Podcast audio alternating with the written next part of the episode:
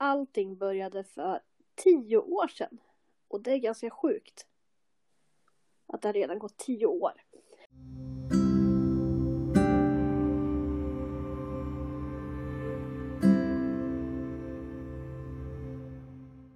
Många av er har säkert hört någonting när man pratar om Rosvalla.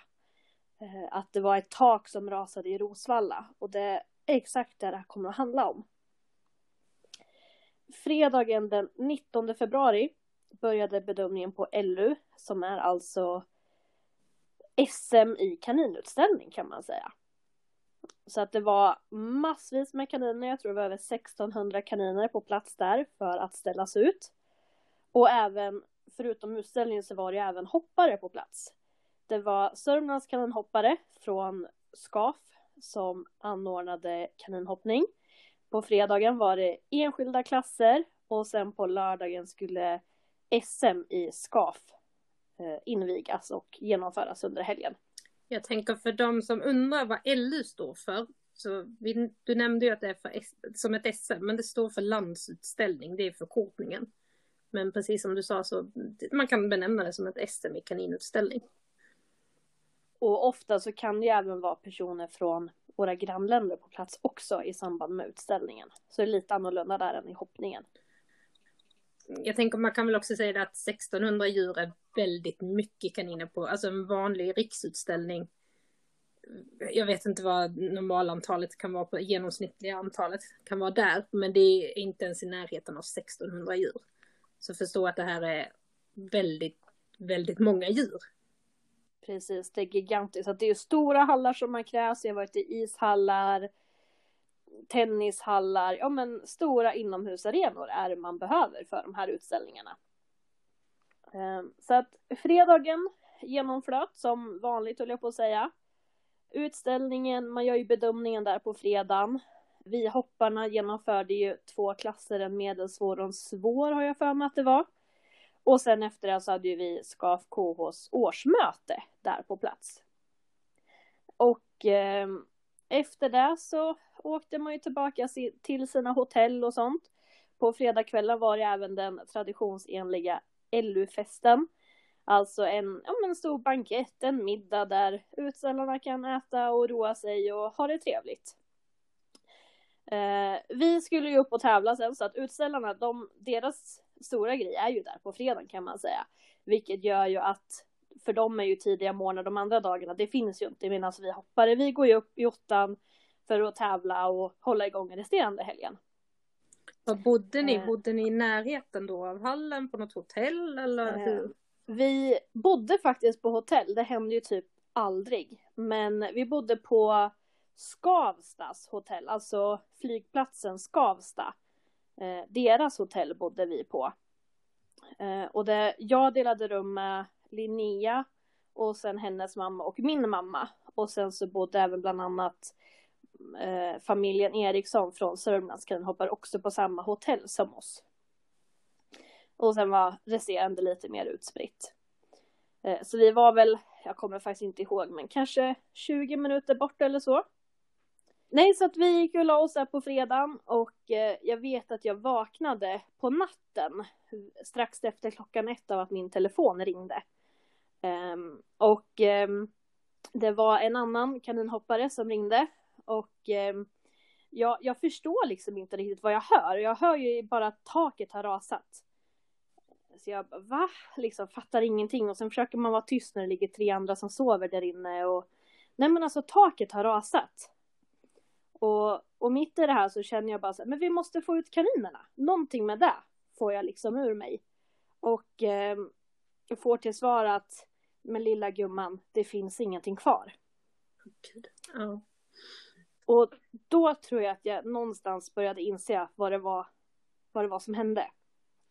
Så jag lyckas ju väcka de andra. De hade väl redan börjat halvvakna när jag pratade där på slutet och Eh, och sen så ringer vi familjen Eriksson, väcker dem där mitt i natten och eh, sätter oss i bilarna och åker dit. Och det här är alltså vintern 2010. Det var massvis med snö. Det var så mycket snö. Och det här var ju en av de här nätterna när det både snöade och det blåste och det var snorkallt. Eh, vägarna var nästan totalt igendrivna men vi, vi tar oss dit och när vi kommer dit så ser man liksom inte hallen. Det, det är så svårt att föreställa sig någonting som du lämnar och sen när man kommer dit några timmar senare så finns det ingenting kvar. Det var liksom som en illusion, man bara kommer fram till ett gapande hål att hela långsidan, he, nästan hela kortsidan, det är bara borta. Och det som fortfarande står uppe är lite av det som var typ omklädningsrum och liknande som var lite mindre dörrar där vi egentligen inte utnyttjade någonting av ytan utan hela hallen där allting var, det var bara platt.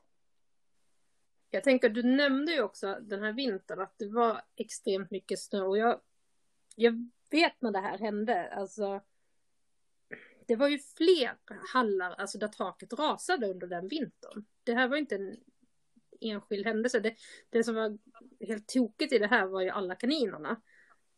Men jag har nog aldrig hört varken före eller efter just att det har varit så, så mycket byggnader där taket har rasat in. Som det var under den vintern. På grund av det, var, det var verkligen ex, extremt just att det var, men det var mycket snö.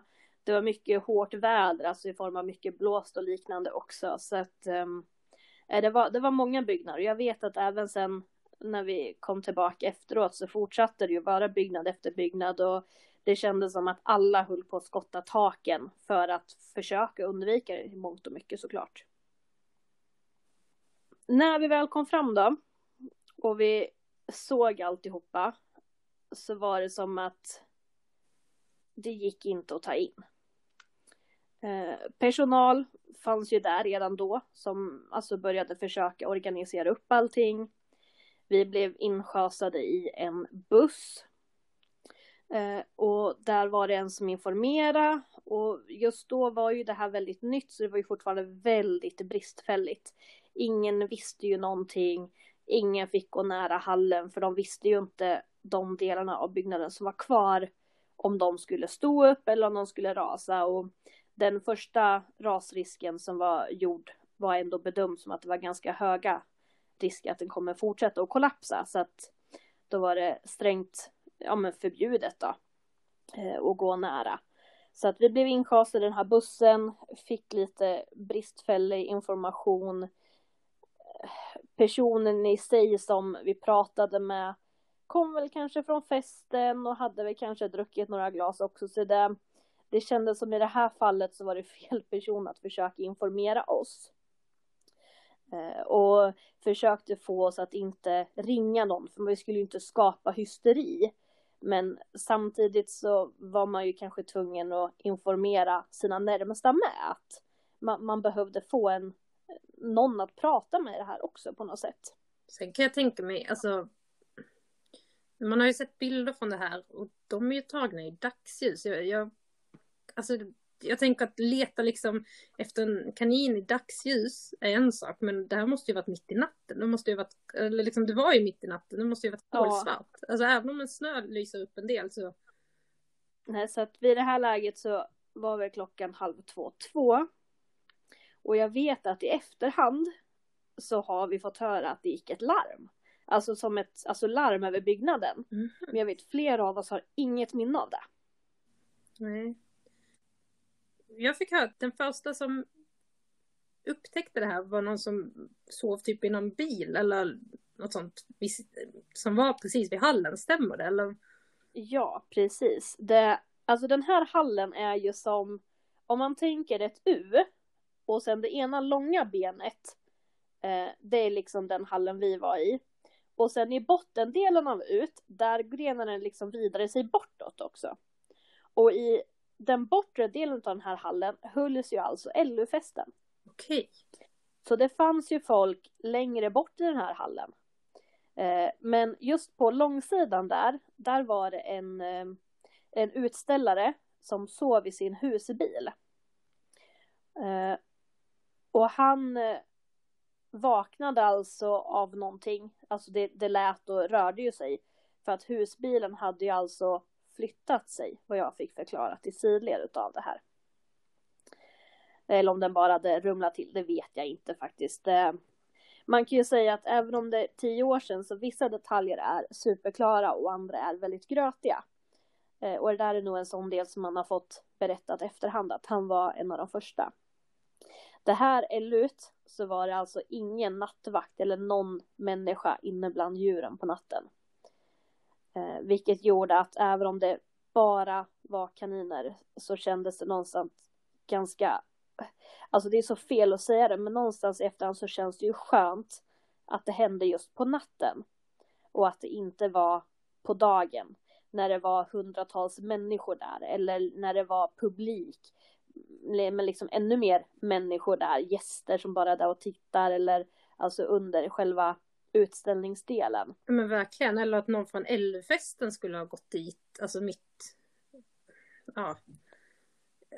Så att, jag vet inte, som du säger, även om det är hemskt att säga bara kaniner, så, men någonstans känns det som att det finns någon som, ja, det, katastrofen kunde ha varit så mycket större också. Um, sen vet jag inte, min tanke direkt blev lite så här, kanske dumt, men kanske tur att folk var lite förfriskade från Älvfesten för då kanske man inte riktigt tar in chocken direkt också vad som faktiskt hade kunnat ske. Att även där de hade festen hade ju kunnat. Precis. Eh, det, alltså hur hemskt den är så hade det kunnat blivit så många gånger värre hela det här. Eh, sen när vi i alla fall väl hade ja, men vi blev ju inschasade i den här bussen, vi fick lite bristfällig information. Det skulle ju komma, ja men alltså mer räddningspersonal. Det var ju det som vi väntade på, att det skulle komma personal som skulle göra bedömningar, att det skulle komma maskiner, att det skulle komma, komma hjälp helt enkelt. Eh, så att just där och då fanns det ju ingenting vi kunde eller fick göra heller. Eh, och eh, vi, eh, vi åkte tillbaka till hotellet. Eh, sova fanns liksom inte på världskartan. Så att vi drog ut täcken och kuddar från våra hotellrum. Och sen så satte vi oss i som en loungedel som de hade där. Så att det var några våningar upp men man liksom kunde se ner till ja, men själva ingångsdelen och sådär. Så att där satt vi och hängde. Och typ sa inte mycket. Vet du hur tankarna gick när ni satt där? Någonstans så ville man ju vara ett stöd för varandra. Men jag tror vi alla tänkte tanken att allting är kört. Att det inte går att göra någonting. Mm.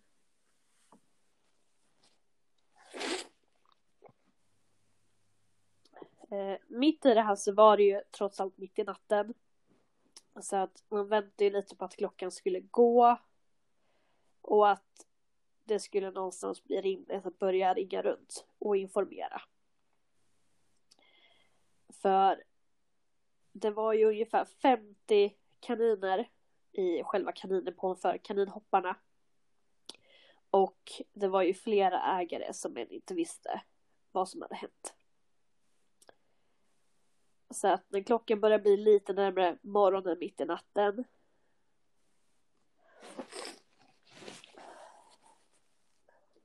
Eh, nej men sen när klockan började närma sig lite mer morgon än mitt i natten så fick ju eh, jag tror att det var Birgitta, men familjen Eriksson började ju ringa runt till till de som var på väg dit. Eh, och jag ringde någon örebroare och jag vet, jag tror till och med jag ringde Tina mitt i natten där. Alltså hur, hur kroppen och hjärnan fungerar under chock går liksom inte att beskriva. Alltså jag, jag vet liksom inte varför, men någonstans så var det bara så att de här behöver veta det. Har du någon gång nu när man ändå har distans till det, har du någon gång önskat kanske att ni fick reda på det senare? Eller liksom, jag tänker för att det låter så hemskt att säga, men lite för att få några extra timmar sömn och slippa de här, slippa, men ja, det låter fel hur jag än säger det, men att få sova lite längre och kanske inte behöva ha den tiden ni fick lägga, liksom lad nu på att oroa er så mycket som ni gjorde. Att liksom fått lite mer. Alltså, även om man satt där och oroade sig så på något sätt så var man i en paus. Alltså det var som att det bara en dimma. Även om man liksom vet att det är flera timmar som gick på när vi bara satt där så, så finns det inte riktigt några minnen utav det. Även om minnena är väldigt starka, förstår jag tänker? Mm. Eh, så att jag tror nog det var mest just att inte kunna göra någonting. Det var ju det som var så frustrerande, att bara vänta på att någon annan skulle göra någonting. Vänta på det här och vänta på det här. Jag vet också, mitt i allt innan vi ens började ringa och kontakta, så var det ju Hanna som ringde och frågade om hallen hade rasat. Och det är ju helt sjukt. Hon hade ju haft en bekant som jobbade som tidningsbud som jag vet inte om de hade sett det eller hört det på radiot eller någonting. Men som helt enkelt hade fått nys om det, frågat Hanna. Hanna hade vaknat och Hanna ringer och frågar liksom. Jag vet att jag var på väg på kaninhoppningstävling den lördagen för att folk ringde mig och frågade om liksom, jag. det här var, då var jag på tävling i SKHF så jag var inte ens i närheten. Men jag vet att jag fick en del telefonsamtal att, ja, är, det, är du drabbad? Och jag bara, va? Nej. Och sen, för då visste jag ingenting och sen hörde man det just på bilradion kom det in eh, på nyheterna. För jag vet det har varit ju en väldigt stor tråd i media. Så det, alltså sociala medier var ju inte alls så stort på den tiden som det är idag. Så att även om såklart folk skrev ut på Facebook och sådär så var det inte alls samma spridning eh, som det är idag. Men då var det just att folk hörde det på nyheterna. Och i och med att det var så stort och att även media gjorde det väldigt stort så blev det ju en väldigt stor spridning på det. Eh, så att, eh, ja. Där, där satt vi i princip och väntade. Vi hade även fått ett nummer till kontaktpersonen eh, som var där borta. Och där, där, dit man liksom kunde ringa för att få uppdateringar och helt enkelt få reda på statusen för stunden. Eh, och eh, när det började bli morgon så vet jag att det stod i en artikel på någon tidning kommer inte ihåg vad det var nu, men jag vet att där stod det i alla fall att inga räddningsförsök skulle göras på kanonen under raset. Oh, Gud. Oh. Och få det till sig. Alltså det, det var ju så svårt och direkt så ringer man ju eh, till det här numret och ja, mycket riktigt, de hade ju missuppfattat att det självklart skulle göra räddningsförsök, men men när man liksom läste det och sen bara, men vänta vad är det som står? Vad står det här egentligen? Då, det kändes väldigt, ja men det, det kändes så sjukt. Så att när klockan är morgon så börjar ju några ta sig tillbaka till, till hallen. Eh, jag tror att klockan är mellan åtta och nio vid det här laget. Eh, jag och några till stannar kvar. Jag tror att man hade nog halvt gett upp lite grann. Eh, och sen eh, strax, eller ja inte strax efter, men de andra hade åkt. Och sen dröjer det inte jättelänge förrän, jag tror att det var Boels telefon som ringde. Och de hade hittat en levande hoppkanin. Gud. Ja, och få upp det hoppet ändå liksom. Alltså. Ja. Och under det här samtalet så kommer det in fler och fler kaniner. Så att eh, i slutändan så var det ju alltså många ändå hoppkaniner som faktiskt hade kommit ut. Eh, vissa i sina burar, de hade kommit ut i fel bur, det var några av de här trälådsburarna. Eh, men någonstans där så kändes det lite som att det är inte helt kört. Det, det kanske faktiskt går det här. Eh, så då åkte vi också tillbaka till hallen och det var ju då man faktiskt såg det i, i dagsljus. När man såg hur det verkligen såg ut och hur, hur platt allting var. Eh, nej men så att när vi väl kom tillbaka till hallen så ser man ju verkligen hur platt allting var och hur även om hoppet fanns lite grann där när vi fick reda på att det faktiskt började komma levande hoppkaniner så kändes det så skevt alltihopa när man väl var där. Eh, och inne i hallen så hade de ju gjort ordning. Eh, eh, vissa delar av utställningsburarna var ju totalt orörda. Och de hade de ju med tiden liksom försökt att burit ut hela. Och sen så stod det rader med burar där inne och sen så de levande djuren sattes in där i, liksom, i väntan på identifiering och att någon skulle hämta upp dem sen. Eh, som tur är är ju faktiskt utställningskaninerna öronmärkta. Eller eh, jag vet inte om vi ens hade börjat med ringmärkningen då. Men de, de är ju märkta hur som. Vilket gjorde identifieringen väldigt enkel. Ja, och jag kan Trots tänka mig att också att när, när det är hela rader kvar så gissar jag på att även burkorten sitter kvar. Liksom. Alltså, Precis. Så att, äh... konst, alltså, I den bilden att se att vissa delar är helt, det känns ju lite som att Känns ju helt skevt som du säger liksom.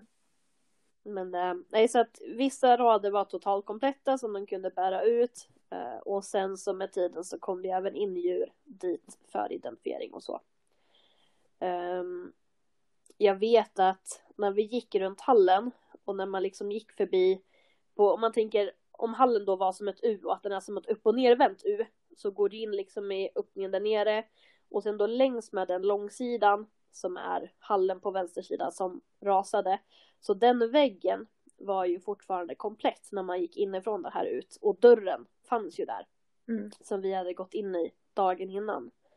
Och när man tittar in där så står ju alltså prisbordet för kaninhoppningen totalt orört. Alla pokaler, delvis rosetter, priser, allting står där. Delar av staketet för banan, totalt orört våra stolar, filtarna som hänger i stolarna, står bara där och hånar oss på något sätt. För bortanför där, där var ju kanindepån. Mm. Och där fanns det ingenting. Nej, och hur skulle man kunna veta att det skulle bli så liksom? Men jag förstår det.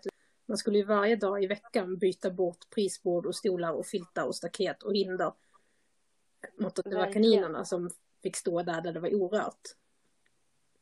Jag vet att jag gick längs med kortsidan längst ner. Och sen så var några andra med. Och sen vet jag att jag säger att ja men det ser ju faktiskt lite, lite högre ut här. Det kanske finns lite hopp ändå. Och sen vet jag att Stig la armen runt mig och bara det, det är nog bara inbildning det var ju lite så, man, man försökte att varenda litet halmstrå man kunde dra efter att ja men det kanske, kanske. Och ändå så visste man ju innerst inne att det faktiskt skulle vara kört i det här läget.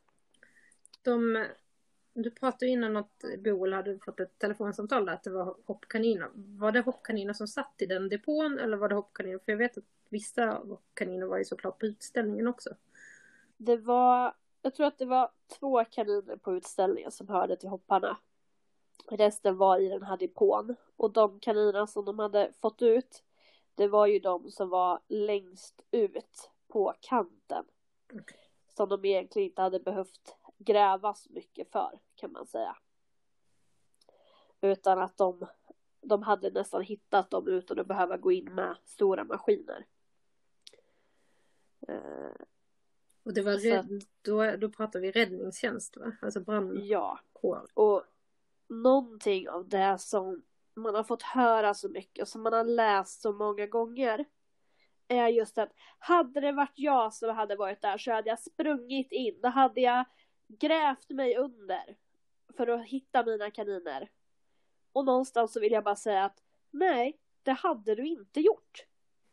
Alltså ingen som, alltså var man inte där, du har ingen aning om vad du kan göra i ett sånt läge, vad du får göra, vad, vad som känns rimligt att göra.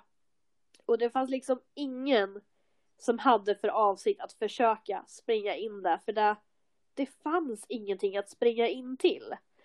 Hade mina kaniner stått där prisbordet var, där man såg att det var orört, ja då hade man kanske haft en instinkt att springa in. Men i det här läget så, det fanns inte. Och det känns bara så, alltså nästan som ett hån mot oss som var där att ja men jag vet vad jag hade gjort om jag hade varit där och jag hade räddat mina kaniner direkt för att det hade man inte. Nej, så att eh, vi, eh, vi fortsatte gå omkring. Vi pratade med folk. Vi grät. Jag tror aldrig jag gråtit så mycket i hela mitt liv. Det fanns inte många människor som inte hade stora påsar under ögonen om man säger så. Eh, men där man väntade på det här läget var just att få, få mer personal som kunde hjälpa till. Att det skulle komma maskiner för att hjälpa till att lyfta på takdelarna. Så fram tills nu så var det, då var det, fanns det inga maskiner utan då, då arbetade man med vad ska man säga? handkraft. Handkraft, ja precis. Och någonstans får man också komma ihåg att det här är alltså i mitten av februari. Det är inte bara att skrapa fram vilka maskiner som helst. Och många användes ju för snöröjning, vilket gjorde att det kanske inte riktigt var de man ville ha komma och jobba här. Eh, så att ehm, eh, vi, vi väntade på att det skulle komma maskiner. Eh, och jag vet att klockan blev lunch, klockan blev två, det gick vidare. Och så vet jag bara hur i sista sekund så blev det uppmärksammat för dem att det även fanns kaniner i hörnet. För första info de hade fått var ju att det bara skulle finnas kaniner längre in, alltså utställningsburarna och att de inte visste om att våra hoppkaniner skulle vara där nere. Okay. Eh, men de fick reda på det. Eh, vilket gjorde att de fick jobba betydligt långsammare för första planen var egentligen bara att slita bort allting där. Ah, eh, men nu fick de ju börja såga, de fick ju kapa delarna och sen så fick de ju lyfta del för del i det här läget. Eh, jag vet att jag och Linnea blev beordrade om att åka och äta.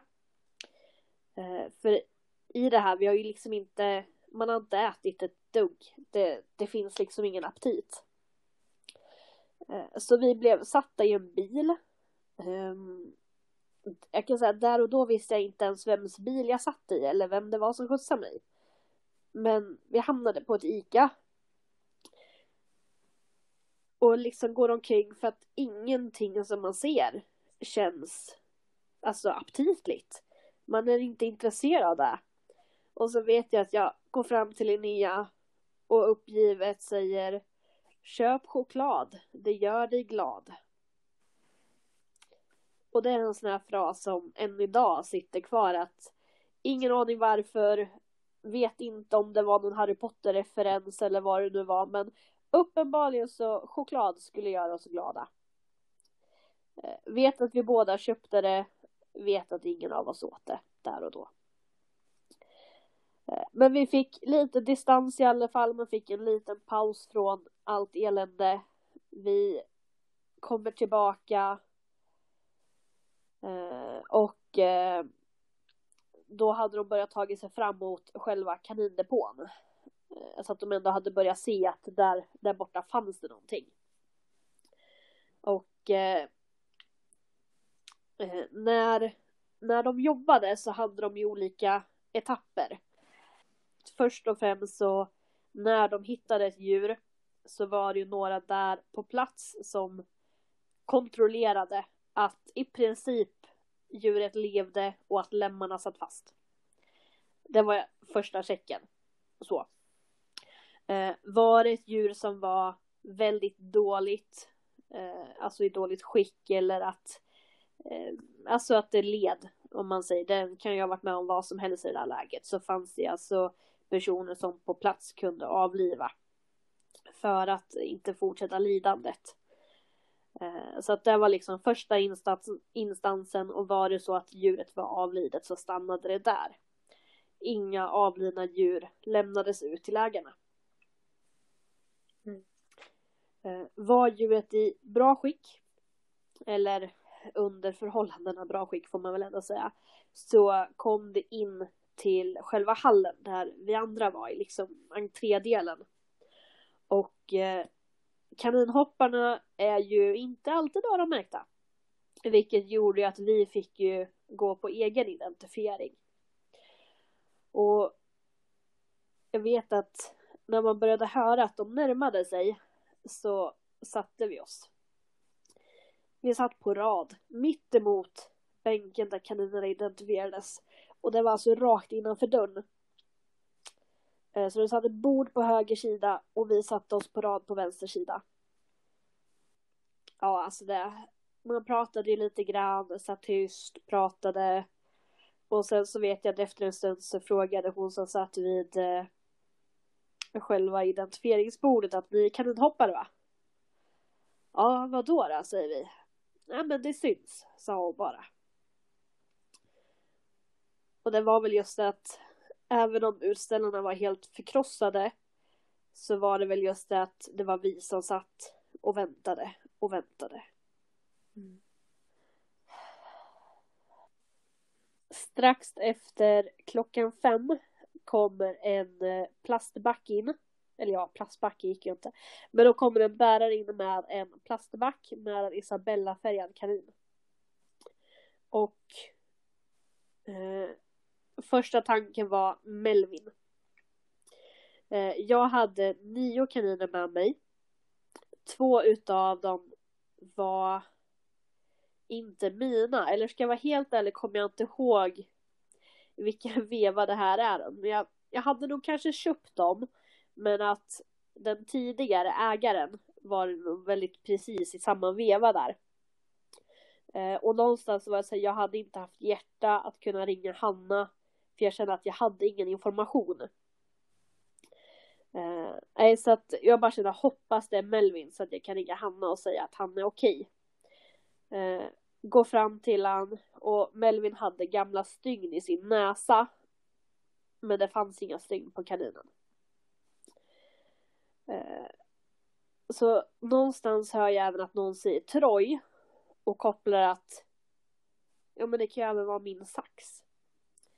Eh, de var ju ganska tilltufsade av snö och sådär så det var lite halvsvårt att känna igen dem direkt. Så det, vi, vi fick ju göra på, kolla på öronnummer där och det, det var ju sax. Så 16 timmar fick jag ut en levande kanin. Och där och då så kändes det som att det var bättre än man någonsin hade kunnat hoppas på. Och det, det låter jätteilla att säga det men under alla de här timmarna så en av tankarna som hade snurrat var just att jag har nio kaniner här. Jag har mina bästa kaniner här. Hemma så hade jag ett par renrasiga dvärgvedurshonor som aldrig hade sett hinder. Och sen hade jag två kaniner. Varav jag då hade valt bort för att ens tävla med för att de egentligen inte var några speciella stjärnor. Och att känna att jag bara ska behöva bygga om hela min Alltså hela min kaningård på de kaninerna, det kändes så fel på något sätt. Och det kan jag tänka mig att du var ju inte ensam om det, för som vi sa i början, det här handlar ju om att SM, både i utställning och i hoppvärlden, alltså utställarna har ju, det är ju på LU man ställer det bästa man har. Och då handlar det ju inte bara om alltså, att man har tränat upp dem till en bra nivå. Det handlar ju om alltså djur som de har avlat fram under generation efter generation efter generation. Det kanske handlar om 20 och 40 leds arbete för att nå dit de är idag. Är det, det är helt sjukt när man börjar inse när, när tankarna liksom får gå iväg från att inse att det är mina, mina djur och man faktiskt tittar på värdet utöver det vardagliga när man inser vad det är man kan förlora. Och jag tänker, det kanske är fel, jag, jag, jag kan inte sätta mig in i situationen men eh, alltså min första tanke så här, hade det hänt mig och jag hade blivit av med alla de bästa vet du tusan man hade velat starta om då? Förstår du lite hur jag menar? Att... Det, det var en tanke som jag tror vi alla hade där och då. Att man inte vet om man skulle orka eller inte. Nej. Nej, gud. När väl saxen har kommit in så vet jag att jag tar upp telefonen för att ringa. Så jag vänder mig och går därifrån. Och sen så hör jag hur någon skriker mikro. Eh, och då har Linneas mamma, har jag för mig att det var, kommit in med honom till hallen. Och Linnea ser att det är mikro och ropar på mig. Och här börjar det gå relativt snabbt ändå. Att det, det kommer in djur efter djur.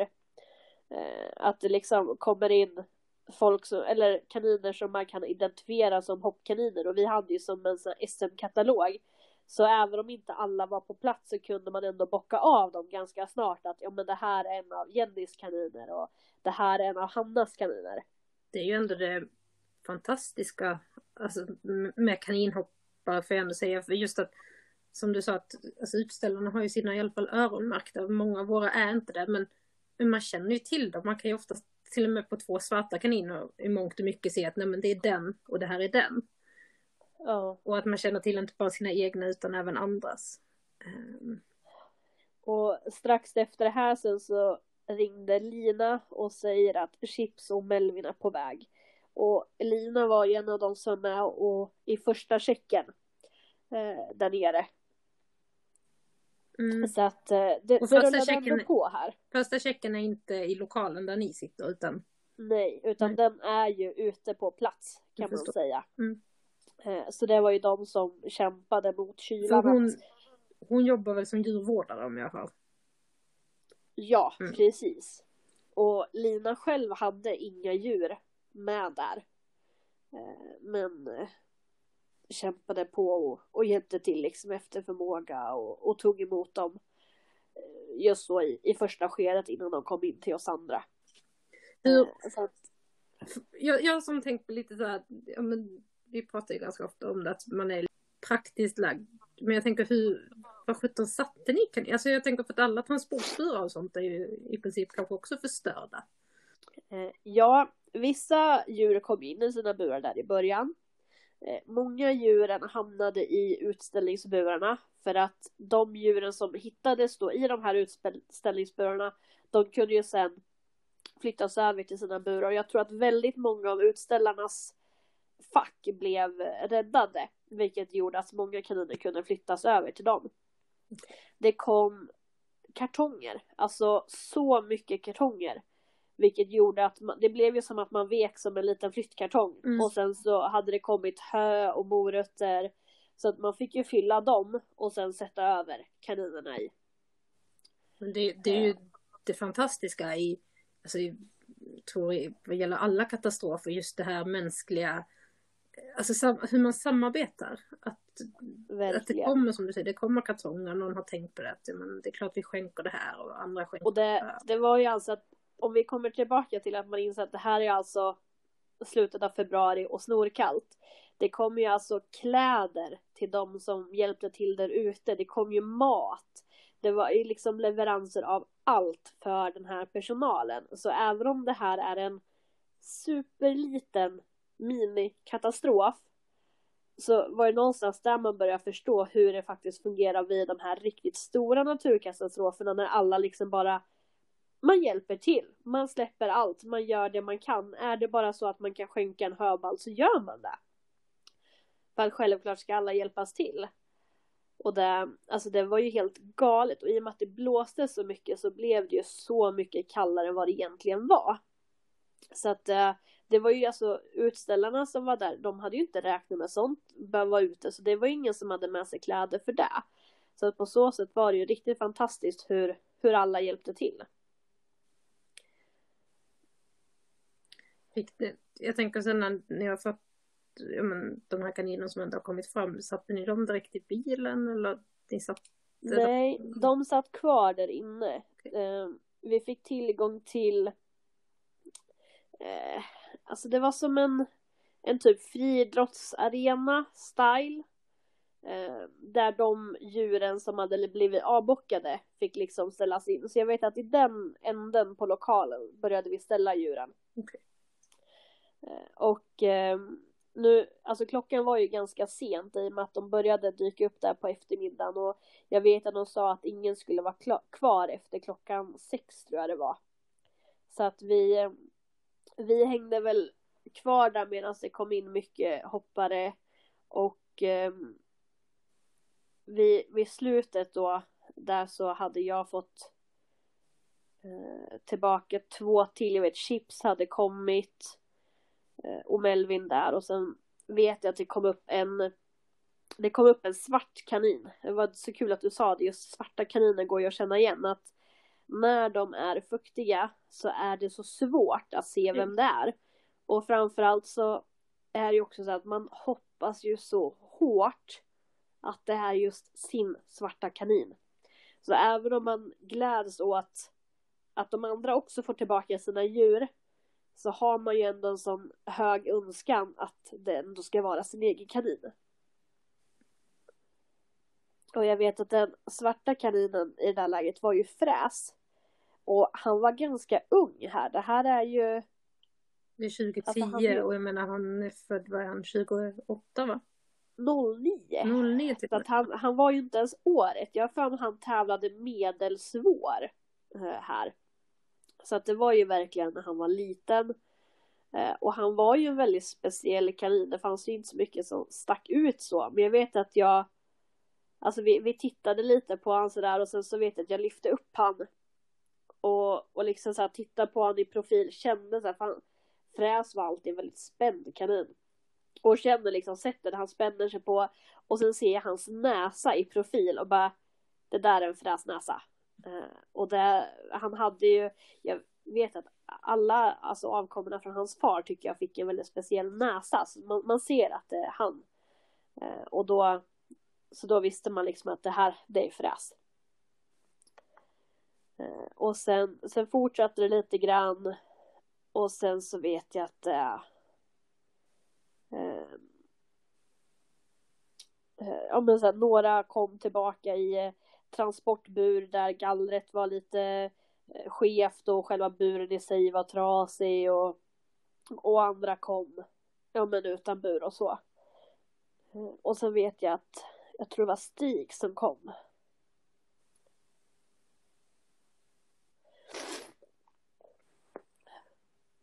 Och ansiktsuttrycket sa allt.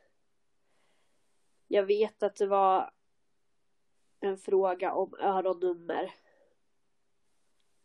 För de hade hittat en CBS. Och det var nix.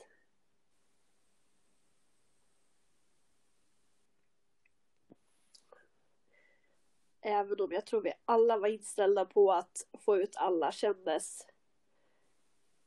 som någonting som inte skulle kunna hända så var det ju det man hoppades på där och då.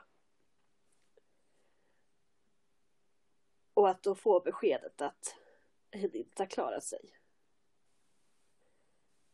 Men det gör det inte lättare även om man någonstans visste att det kunde vara så.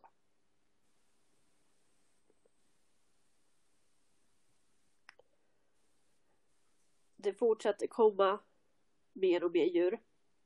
Och jag tror att när klockan var sju och vi åkte därifrån så hade alla förutom en av hoppkaninerna hittats. Och två av hoppkaninerna på utställningen hade inte hittats. Så av då de nästan 50 djur, jag tror att det var kanske 47 djur som hade hittats, så hade ändå 45 stycken levt. Och hur de kunde överleva under det där taket, det är helt sjukt egentligen.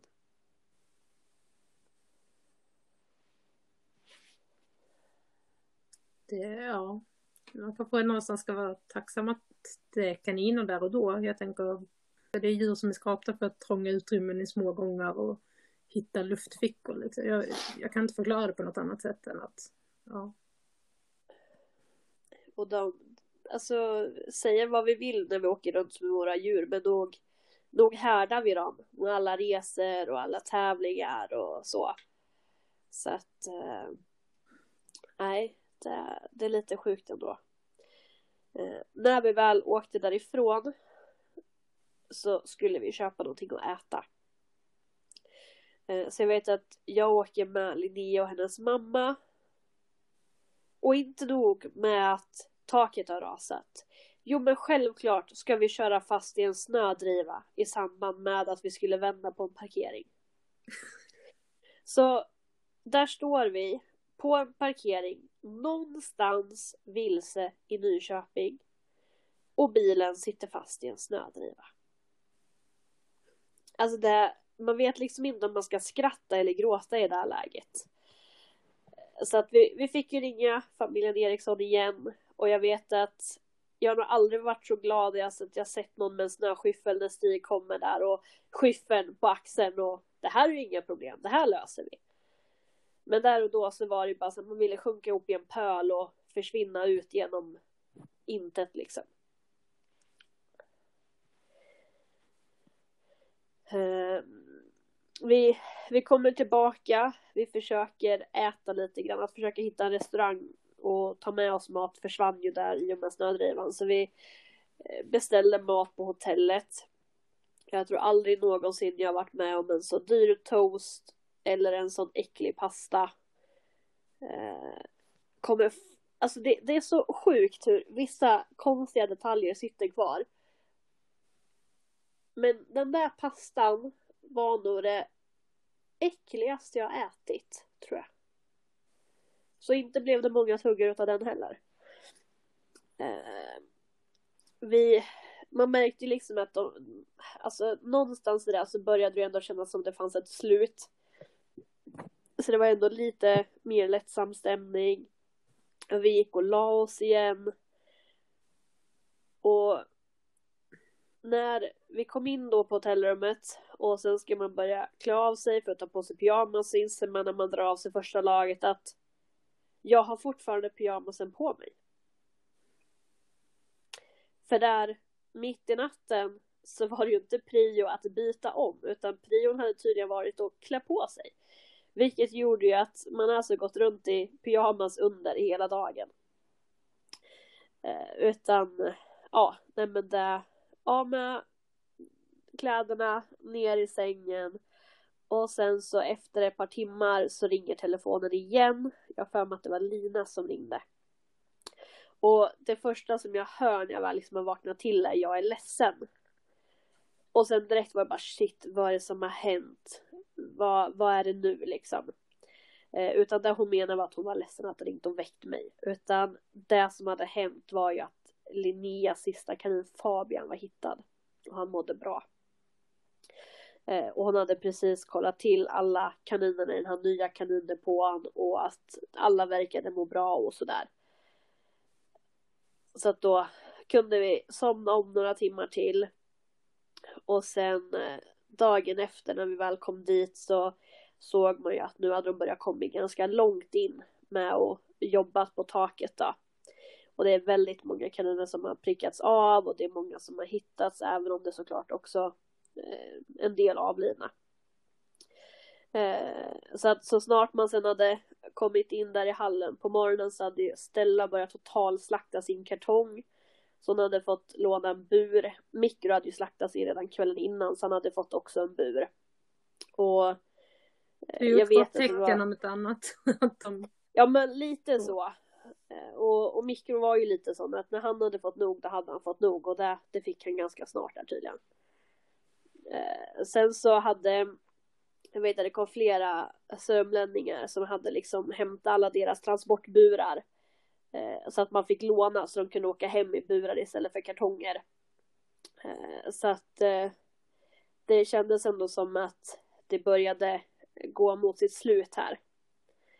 Eh, så jag vet att efter lunch någon gång tror jag det var att vi faktiskt åkte hem med, med djuren. Så att de fick komma hem med sina riktiga burar.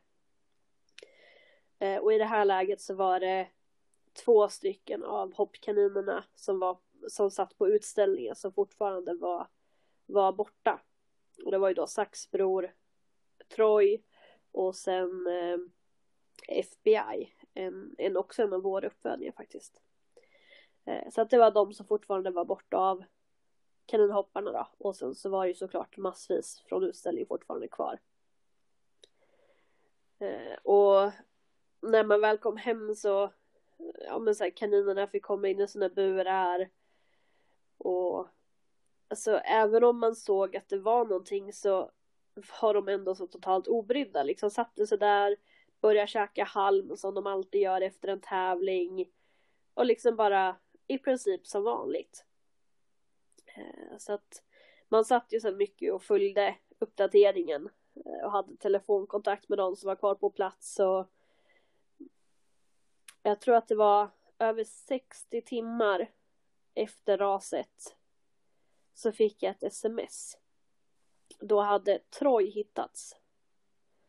Ehm, så en av de hockeykaniner då som kom, eller som satt på utställningen, han hade hittats efter över 60 timmar. Det är, alltså det är ju mer, det är nästan tre dygn senare.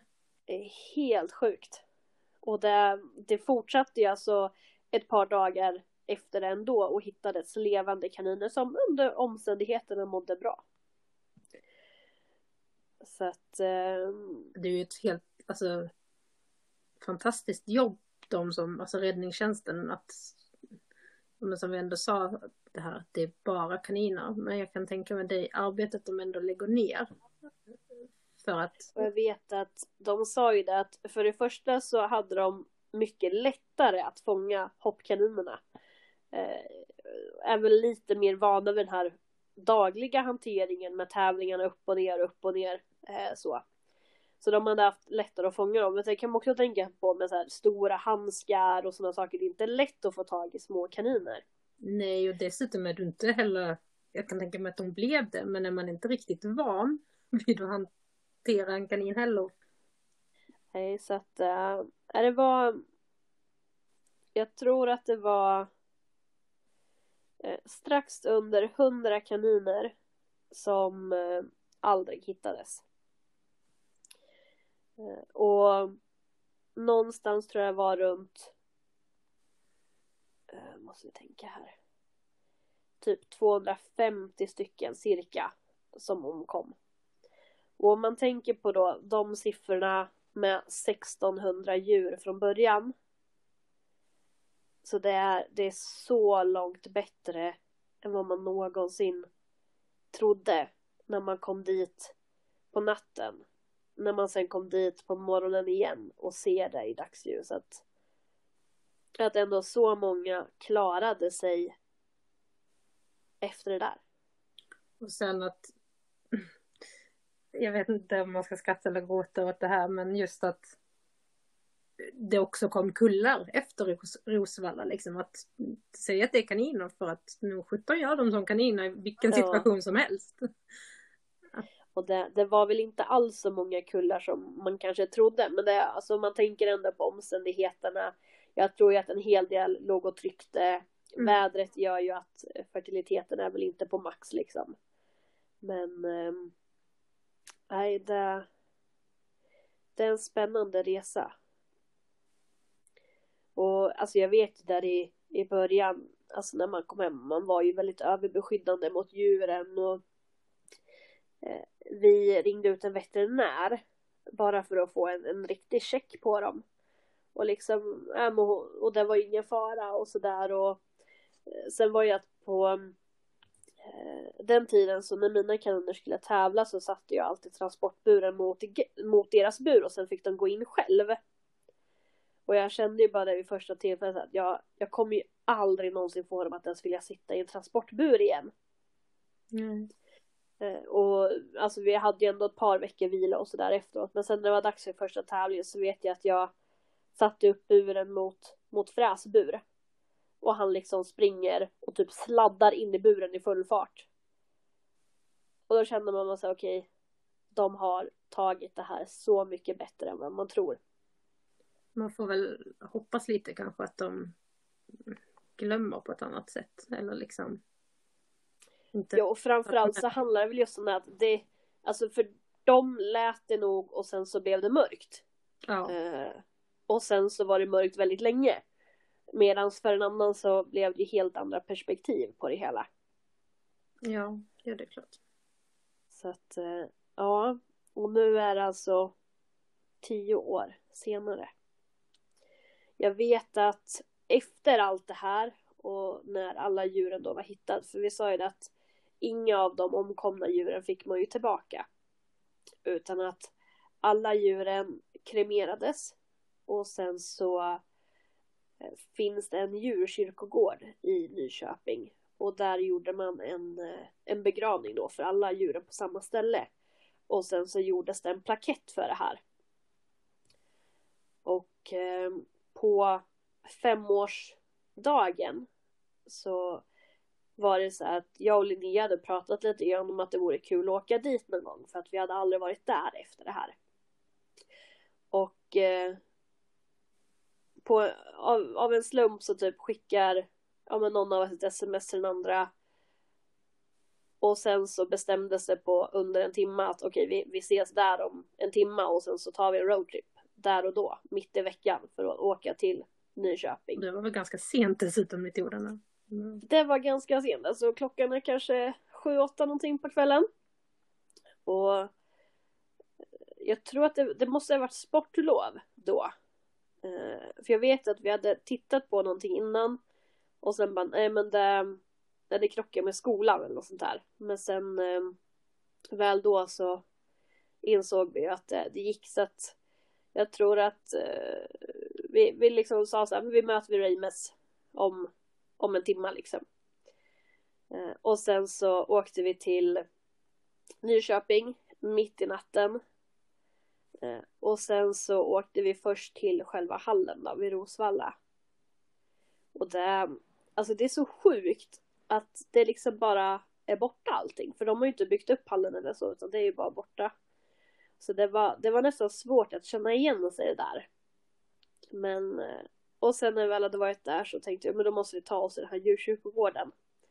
Och jag kan säga att djurkyrkogårdar är inte speciellt skyltade. Eh, och framförallt inte när man kommer dit mitt i natten. Eh, för jag tror att vi var liksom vid själva Rosvalla hallen vid, ja men kanske ett någonting. Jag vet att vi var där ganska nära, alltså tidpunkten det hände. Och sen då åker jag vidare och börjar leta efter en djurkyrkogård. Ehm, jag tror att det slutade med att vi konstaterade att vi hade kört på en cykelbana. Vi frågade, de enda vakna människorna var ju tidningsbud. Ehm, så vi frågade dem efter en djurkyrkogård mitt i natten och de fattade nog ingenting, undrade vad vi var för konstiga människor. Ehm, men sen till slut så hittade vi ju den. Och det tråkiga är ju att plaketten hade alltså blivit vandaliserad. Så att den fanns ju inte kvar längre. Jag vet att det är en utställare som hade tagit hand om den men så det är lite synd att inte den fick vara. Men eh, det var ändå, ja men det kändes bra att vara där. Nej men tio år sedan. Eh, jag kan väl säga att det är något man inte önskar sin värsta fiende ens att Verkligen det ska hända. Liksom. Och det, det som ändå är lite fascinerande är ju att jag har två av kaninerna som var där sitter i mitt stall än idag. Tror du att det är de äldsta överlevarna från Rosvalla-tiden? De lär ju börja vara där om inte annat. Jag tänker det. Det är lite sjukt ändå. Ja men alltså det är ju så jag tänker, eller, idag som du säger, sociala medier var inte alls lika stort och så. Men alltså det året, tror inte det är någon som kommer ihåg, eller ja, du kanske jag säger helt fel, men så här, vem som vann det året. Alltså, jag tänker utställ, det är i och för sig så här, bedömningen var inte gjord. Nej. Men, äh, ja, nej. Jag höll på att säga, var det ens en tävling? det var det. Nej men jag tänker, alltså just utställningen måste ju klassa av och sånt för att avgjort. Men... Ja precis, all bedömning var ju gjorda på mm. fredagen. Men det, men det är klart, så alltså, var inte... jag, jag kan inte ens minnas att jag någonsin har hört någonting om det. Nej men jag, nej. För att det är inte, det är inte viktigt. Man inser ju någonstans vad som... Jag, jag har en tokig fråga. Så. Som transportbyrå, en transportbyrå kostar ganska mycket. Var det något man kunde få ut på typ försäkring eller? Det, det här var ju en ganska stor soppa när det gällde själva försäkringsfrågan från, eh, jag jag för mig att det var Peab vi jobbade mycket med. Utan där det var, var ju att man fick ju en viss del från sin egen hemförsäkring. Okay. Så att jag vet att jag skrev ju alltså en lista på allting jag förlorade. Allt ifrån, ja men nio Atlas Open-burar, varav jag valde ju den turkosa färgen som har utgått för länge sedan. Så jag hade ju precis bytt till mig de sista bottnarna så att jag skulle ha ett komplett set liksom. Eh, det, alltså, det, det, låter ju som en liten del men det är klart att det liksom efteråt när allting la sig så var det där man började kika mer på. Eh, det var ju selar, ja men allting sånt där också. Så att eh, många fick ju ut delar utav det på sin egen hemförsäkring då, men långt ifrån så att det täckte egentligen att starta om igen. Ja.